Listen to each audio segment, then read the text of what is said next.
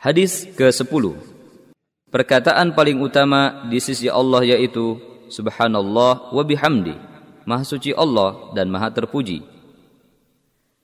عن ابي ذر رضي الله عنه ان رسول الله صلى الله عليه وسلم سئل اي الكلام افضل قال ما اصطفى الله لملائكته أو لعباده سبحان الله وبحمده Dari Abu Dzar radhiyallahu anhu bahwa Rasulullah shallallahu alaihi wasallam pernah ditanya, "Perkataan apa yang paling afdol?"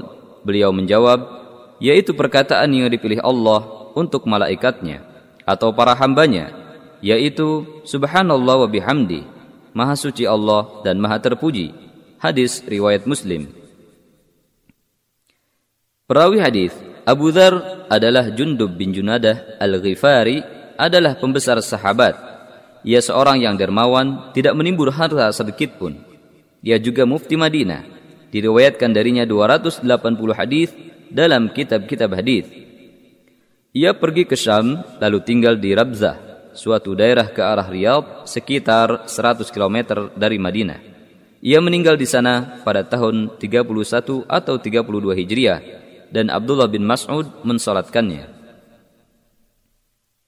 Beberapa faedah hadis ini adalah Hadis ini menyebutkan keutamaan tasbih dan tahmid serta anjuran untuk memperbanyak zikir ini, yaitu subhanallah wa bihamdi. Sibuk dengan zikir kepada Allah merupakan salah satu sebab ketenangan hati dan kelapangan jiwa.